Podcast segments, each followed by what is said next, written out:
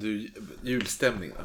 Julstämning ja. Ja, jo. Men nu ska du få höra om berättelsen om de osynliga händerna. Oh. Författaren Violet Tweedale var förutom en bra författare även spiritualist och nära vän till Sir Arthur Conan Doyle. Som verkligen trodde på feer och sånt. Ja, och är väldigt eh, intresserad av det övernaturliga liksom. För den eh, obildade så är det ju författaren till. Sherlock Holmes. Ja. 1909 var Violet själv med om en händelse som hon skrev ner. Och det här kan jag tyckas räknas som till föregångarna till Creepypastas. Creepypasta. Historien är följande. Citat. Ska bara dricka också. Jag satt vid fönstret till mitt bibliotek och läste i, Library och läste i denna november eftermiddags svaga ljus. Det var en ytterst stillsam och sorgsen dag med en grå och dyster himmel hängandes över oss. Förutom mot väst, där en gulblek solnedgång badade i horisontens ljus, läste jag Man and the Universe av Sir Oliver Lodge.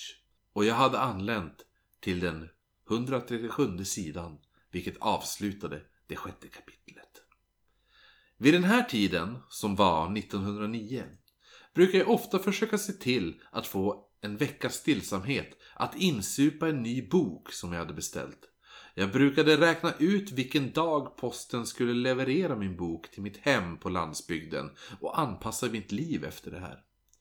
Det här låter kanske lite löjligt men sanningen är att en bok som Man and the Universe är ett sånt rent intellektuellt nöje för mig att jag vill studera den, avnjuta den sakta och gradvis insupa.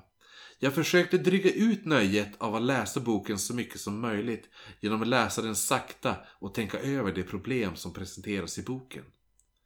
Till slut la jag mig ifrån mig boken på bordet vid min sida. Jag hade ingen brådska. Boken låg på sin rygg. Med sidorna där jag slutat läsa låg den uppslagen och jag började fundera över stycket som jag nyss läst. Citat! A reformer uh, must not be in haste. The kingdom cometh not by observation, but by secret working as of leaven. Nor must he advocate any compromise repugnant to the enlightenment of conscience. Bigotry must die, but it must die a natural, not a violent death. Would that the leaders in church and state had always been able to receive an impatient and enthusiast in the spirit of lines, dreamer of dream. No taunt is in our sadness.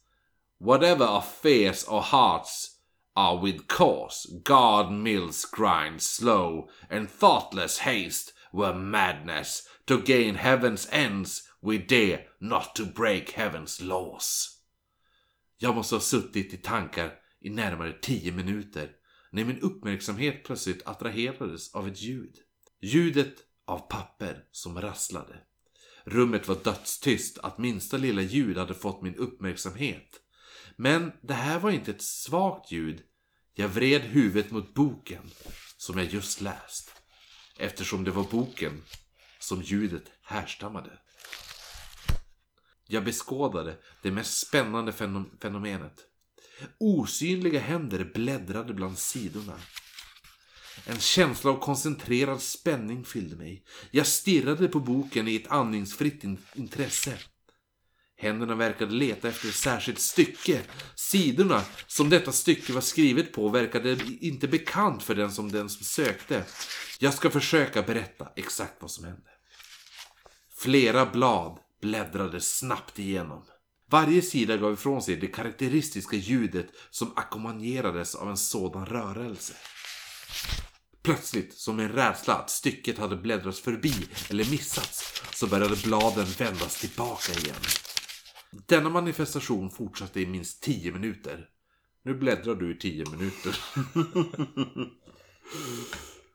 Och det, Vänta. Vänta.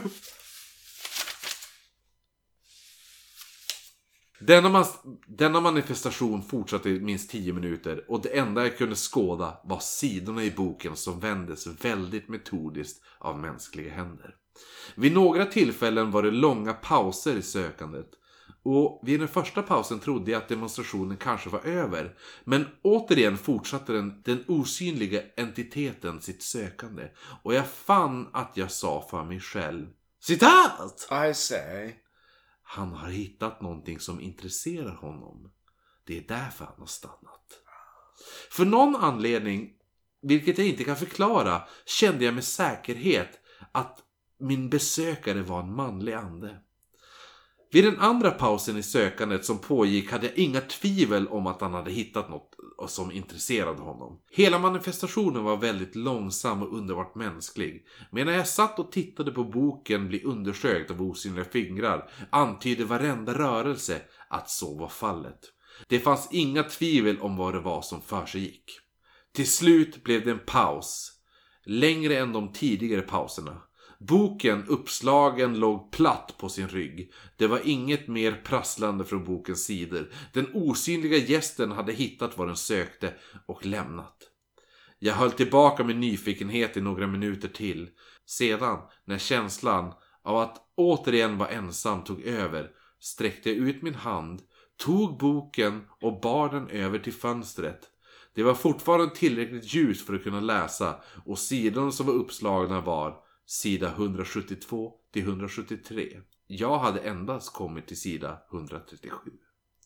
Jag skannade otåligt igenom sidan och upptäckte direkt ett märke som hade lämnats längs sida 172. Det var ett långt intryckt märke som korsade en paragraf. Märket var som om det hade kunnat gjorts av en lång vass nagel. Orden som var märkta var citat.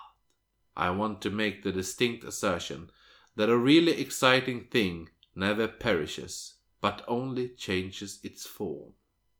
Idag är märket lika synligt på sidan som det var dagen det gjordes. Jag kan inte komma fram till vem besökaren var, men han kunde innehållet i boken. Det skulle ingen som bevittnade det här sökandet kunna neka till.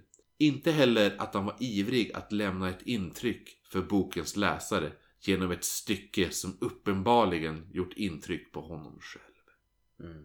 Slut. Är det bara jag som tänker att hon vill imponera på Sir Arthur Conan Doyle? och bara drog med nageln under ett random stycke. Kolla! Kolla, ser du vad det står där? Ja, det står här. Ja, nu vill jag höra späckhistorien till då. Ja. Ja, det var en eh, 1909 creepypasta. Pasty. Ja, men då... Eh, Skål då.